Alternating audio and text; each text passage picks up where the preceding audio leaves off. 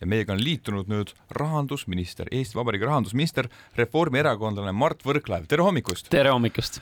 Brita on nüüd uus autoomanik, mul on Honda Accord. ma tean, et Mart Võrklaev, meie rahandusminister, on ka õlinäpp. rääkige natuke enda villisest. Äh, jah, mul on tuhande üheksasaja kuuekümnendast aastast äh, vana kass kuuskümmend üheksa. Äh, suvel teen ära kindlustuse, ülevaatuse, enne ülevaatust tuleb näpud õliseks teha, vahepeal pidurid üle käia, pirnid ära vahetada, kui midagi on katki läinud ja siis saab nii-öelda lõbusõitu teha nii ise kui, kui lastega. milline see automaks teid tabab siis? no vanadel sõidukitel, kui need on eraisiku omandis, siis äh, olemegi teadlikult selle maksu tegelikult alla toonud, eeskätt selle tõttu, et kõik inimesed ei saa endale kohe uut ja säästlikku autot lubada puht sissetuleku vaates ja teisalt ka arvestades just neid vanasõidukeid, millega võib-olla sõidetaksegi hooajaliselt, nii nagu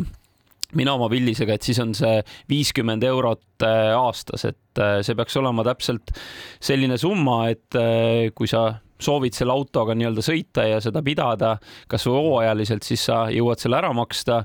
kui sa näed, et, et võib-olla see auto seisab seal aianurgas ja sa seda ei kasuta, et noh, võõrandad edasi ja võib-olla sellest samast väärtuslikust autost keegi teeb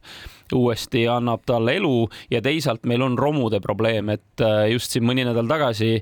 üks härra Valgast helistas, ütles, et äh, vot see mootorsõidukimaks on õige asi, et meil seisavad romud kortermaja parklas, on teistel ees, et, et võiks selle platsi puhtaks saada. romudeni me ka jõuame, aga te mõistate, et autondus kui selline võib olla inimese hobi auto, autoentusiastid on olemas. ja absoluutselt ja, ja veel kord, et äh, kui sa oled eraisik ja sul on üle kahekümne aasta vana auto, mis valdavalt need hobiautod on, siis on see maks viiskümmend eurot. kui sa oled nüüd selline jõukam äh, autokollektsionäär või, või suveks sõidad suvel Porsche või millegi sellisega, noh, siis jällegi, et, et kui sa jaksad seda autot omada, siis, siis sa suudad ka seda maksu maksta. ja hea Brita, ma kohe luban rahandusministrilt auto kohta ka sul küsida. üks küsimus veel, nimelt ma Ekspressist lugesin lugu, et äh, ühest perekonnast, autoentusiastide perekonnast, kellel on peres kolmkümmend sõiduautot ja kaheksa väike, väikebussi. Nad on autoentusiastid ja kui nad peaksid kõigi nende autode eest hakkama nüüd automaksu maksma, no ini-, perekond läheb pankrotti. no mida neile soovitada? ja ka mina nägin seda lugu ja eks iga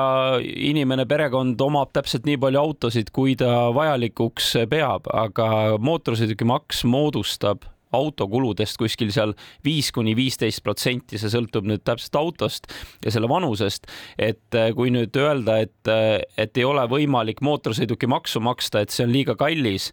siis äh, tegelikult tasuks üle vaadata kõigi nende kolmekümne auto siis nii-öelda kulud. ehk et kui on soovi kas siis raha säästa või on, on mure sellepärast, et, et et, et need on liiga nii-öelda kallid, siis selle autopargi muu kulu peab olema ilmselgelt suurem, et võib-olla see on hea koht nendele kuludele otsa vaadata, aga loomulikult igaüks teeb ise oma valikud, et kui nendel, sellel perekonnal on tunne, et on vaja kolmkümmend autot omada, siis mootorsõidukimaksu nii-öelda osakaal sellest kogu auto kulust on ikkagi tegelikult, ma ütleks, suhteliselt väike kas te ei arva, Mart Võrklaev, et kasutatud autode, võib-olla selliste just vanemate, ma ei kujuta ette, Volkswagen Passat ja kõik muu laadne kahe tuhandete algus hakkab buumima just sellel põhjusel, et automaks on neile ju laias laastus odavam kui ikkagi mõnele uuele uhkemale ja võib-olla isegi säästlikumale autole no me oleme selles mootorsõidukimaksu eesmärk on, et autostumist linnades eeskätt vähendada ja et me sõidaks säästlikema autodega, aga me oleme pidanud leidma tasakaalu selle vahel, et me tahaks, et meil oleks uuemad ja säästlikumad autod, aga teisalt see, et meie ühiskonnas kõigil inimestel ei ole võimalik soetada kohe uut ja säästlikku. ehk et loomulikult see nii-öelda vanematele autodele maksusoodustuse tegemine töötab nii-öelda sellele keskkonnaeesmärgile vastu aga me peame ka arvestama inimeste maksevõimega ja selleks on eh, see vanuse nii-öelda, et auto vanus vähendab mootorsõidukimaksu sinna toodud ja sinna juurde ka siis seesama nii-öelda vanaautode või, või uunikumide teema, aga ka nendes samades vanemates sõidukites, kui ta on raskem, vanem siis on võimalik tegelikult teha valik eh, soodsama, kergema, säästlikuma vastu ja sellega ka mootorsõidukimaks on eh, inimese jaoks väiksem ja mis kõige tähtsam, ma arvan, üldkulud väiksemad, kasvõi seesama kütusekulu, sest veel kord, mootorsõidukimaks on seal kuskil viis kuni viisteist protsenti auto üldkuludest ja läheme ikkagi natuke nüüd sinna poliitikasse sisse ka, kogu see automaksu teema, mis on teile kindlasti ka palju vaenlasi püüdnud. kas te muidu isiklikke telefonikõnesid ka vaenlastelt saate? telefonikõnesid on üksikuid, aga pean tunnistama, et äh,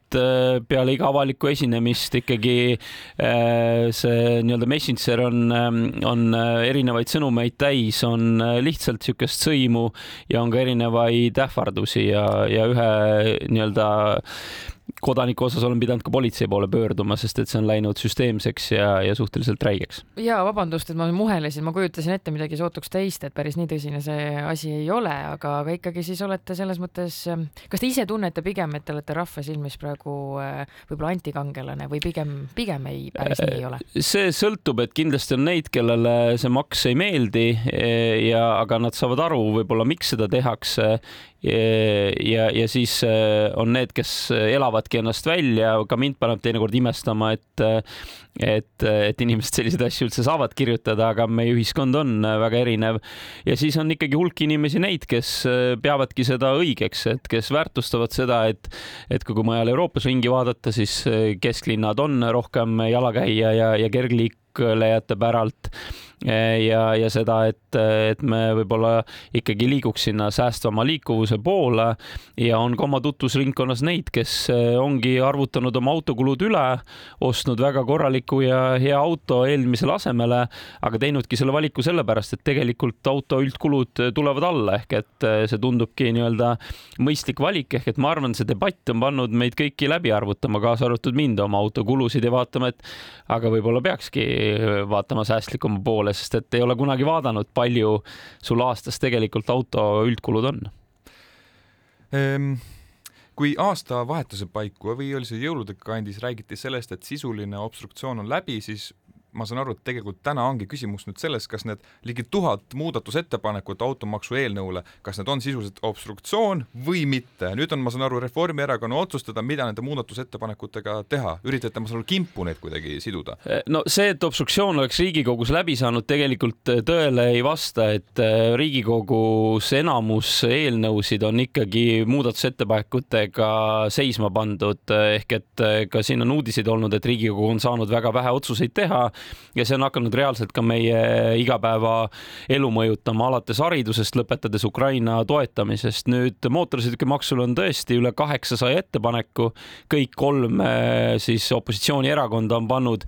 mitusada ettepanekut. Eh, noh, ikkagi Riigikogu rahanduskomisjon ja valitsus eh, või siis koalitsioon nüüd otsustab ja, ja kaalub need ettepanekud läbi, et mitte Reformierakond aga tõsi on see, et Riigikohus on ka hiljuti andnud just suunise, et tegelikult ettepanekud, millel sisu ei ole ja mis on ühetaolised, et mootorsõidukimaksu ühe sendi või kahe sendi kaupa üles või alla tõsta, et neid võib vaadata tervikuna, aga seda tööd hakkab tegema nüüd Riigikogu rahanduskomisjon. kogu mootorsõidukimaksu me oleme arutanud väga avatult, alates väljatöötamiskavatsusest ja nüüd on see jõudnud Riigikokku ja tegelikult selline Eh, noh, ma ütleks läbimõtlemata ja massiliste muudatusettepanekute tegemine võtab ära fookuse võib-olla probleemidelt. Ehk et ka mina ei arva, et eh, me oleme nüüd ideaalse asja tingimata teinud, et seadused sünnivadki ühiskonna ja parlamendiga eh, koos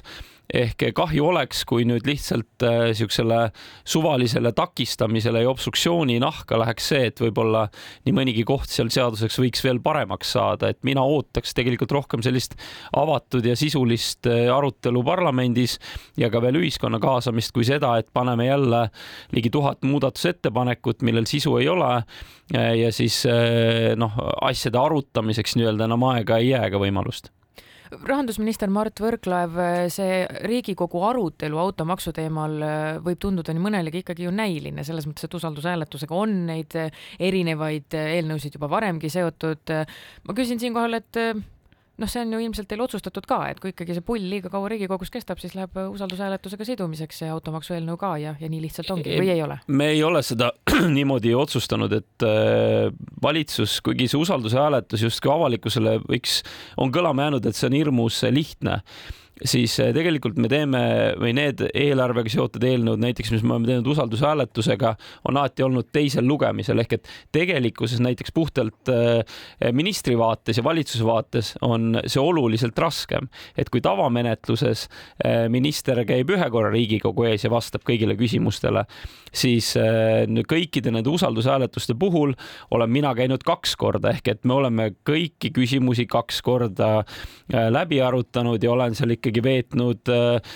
nii-öelda ööpäeva praktiliselt äh, järjest. Ehk et midagi lihtsamat äh, seal valitsuse jaoks ei ole, see ei ole nii-öelda lihtne tee seadus vastu võtta, aga kas see annab nii-öelda debatile juurde, noh, ma väidan, et selles mõttes ei anna, et needsamad nüüd ettepanekud, mida opositsioon teinud on, et neid sisuliselt arutatakse kaalutakse, et noh, seda võimalust on ju vähem, sest et lihtsalt need kaovad selle suure massi sisse ära, millel sisu ei ole. Ja tihti on näha, et ka väga ei pingutata, tehakse lihtsalt, pingutus on seal, et kirjutada võimalikult palju nii-öelda erinevaid ettepanekuid, mitte selles, et teha nüüd mõni konkreetne, mis võib-olla päriselt seda seadust äh, paremaks muudaks. kes see automaksu eelnõu äh, puhul parlamendierakondadest äh, võib-olla kõige suurem kiusupunn on? No see obstruktsioon, mis praegu on tehtud, näitab, et midagi pole muutunud, et kõik opositsioonierakonnad eh, on ennast orienteerinud mitte sisulisele tööle, vaid siis Riigikogu töö takistamisele, Riigikogu töö seismapanekule ehk et Riigikogu töö oma olemuselt peaks olema ikkagi see, et käib debatt ja siis nii-öelda parimad ideed ja, ja, ja parim debatt nii-öelda võidab või, või saab ka ühiskonnas kaalu, mitte see, et me lihtsalt esitame sadu ettepanekuid ja proovime Riigikogu töö seisma panna, et see ei ole Riigikogu töö mõte vabandust, ma ei saanud ikkagi lõpuni aru, et kuidas nendest kaheksasajast eelnõu, äh, muudatusettepanekust siis läbi närida, et need tuleks kuidagi kokku siduda vastavalt siis äh, sarnasusele mingisuguste tingimuste alusel ja siis läbi hääletada. kui, kui palju neid kimpe peab olema, et me jõuaks seda ajaliselt teha, teie no, jõuaks? seda analüüsib muidugi nüüd rahanduskomisjon, et ma ütlen veelkord, et see töö on Riigikogu käes, aga sisuliselt paistab neist jälle läbi, et näiteks, et on võetud äh, üks nii-öelda maksunumber või siis mingi kehtivuse aeg ja pandud sinna nagu sada viiskümmend üks, sada viiskümmend kaks, sada viiskümmend kolm ehk et tegelikult, kui sa võtad need kõik kokku, siis saab valida ühe numbri, kas see on summa, kas see on mingi parameeter, kas see on mingi kuupäev, aga saab valida ühe ehk et noh, siis peakski hääletusel valima nii-öelda ühe ja läbi hääletama, mis see on, sul ei ole mõtet hääletada lihtsalt mitusadat erinevat kuupäeva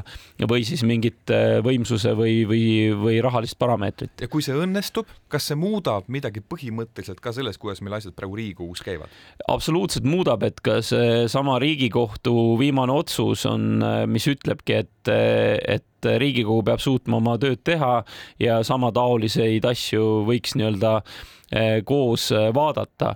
aga siin jällegi, et ka koalitsiooni vaates kindlasti ei saa võtta seda kuidagi kergekäeliselt, et nüüd me seome lihtsalt kokku ja võtame asjad äh, vastu, et jällegi sellesama obstruktsiooni ja töö takistamisega ei saaks kannatada sisuline töö. Ja mina arvan, see Riigikogu sisuline töö, saadikute õigus võrdselt asjades kaasa rääkida ja sisulisi ettepanekuid teha on ülioluline aga seda hästi äh, nii-öelda tugevalt varjutab või seabki ohtu see, kui lihtsalt massiga äh, tööd takistatakse. rahandusminister Mart Võrklaev, veel lühidalt siia lõppu, kui palju teid kõigutavad erinevad gallupid, küsitlused, kus on üldjuhul eranditult kõik inimesed, kõik vastanud automaksu vastu, kui palju te neid üldse jälgite kui palju te, need teid huvitavad? eks need meedias silma ikka jäävad, aga eks see mootorsõiduki nii-öelda maksuvastasus, kellele meile meeldis, kas maksud, minule need maksud ka ei meeldi, aga miks me neid teeme, on see, et mootorsõidukimaksul keskkonna aspekt, et meil oleks linnades vähem autosid, et need oleks säästlikumad ja teisalt meil on riigieelarvesse vaja täiendavaid vahendeid, sest meie riigieelarve on suures miinuses. me tegelikult sooviks rohkem panustada ühistransporti, teedeehitusse, seda me samamoodi kuuleme nii inimestelt, ettevõtjatelt aga see raha ei tule kuskilt mujalt kui äh, maksumaksja käest, ehk et tegelikult äh, ma loodan, et see debatt paneb ka meid kõiki mõtlema, et kui poliitik tuleb ja lubab hästi lahkelt igasuguseid kulusid ja toetusi ja nii edasi, et siis me mitte ei kiidaks sellele takka, vaid küsiks, aga kust see raha tuleb, sest et hiljem see arve tahes-tahtmata tuleb kõigile meile endale. ehk et pigem tuleks olla ettevaatlikud, poliitik räägib suurtest lubadustest ja, ja nii-öelda rahasajust, kui sellest, kui ta nüüd räägib äh, maksudest, sest kui me makse tõstame, siis see on juba pigem äh, tagajärg jätame meelde, Mart Võrklaev, suur tänu täna hommikul meile stuudiosse tulemast. aitäh ja kena päeva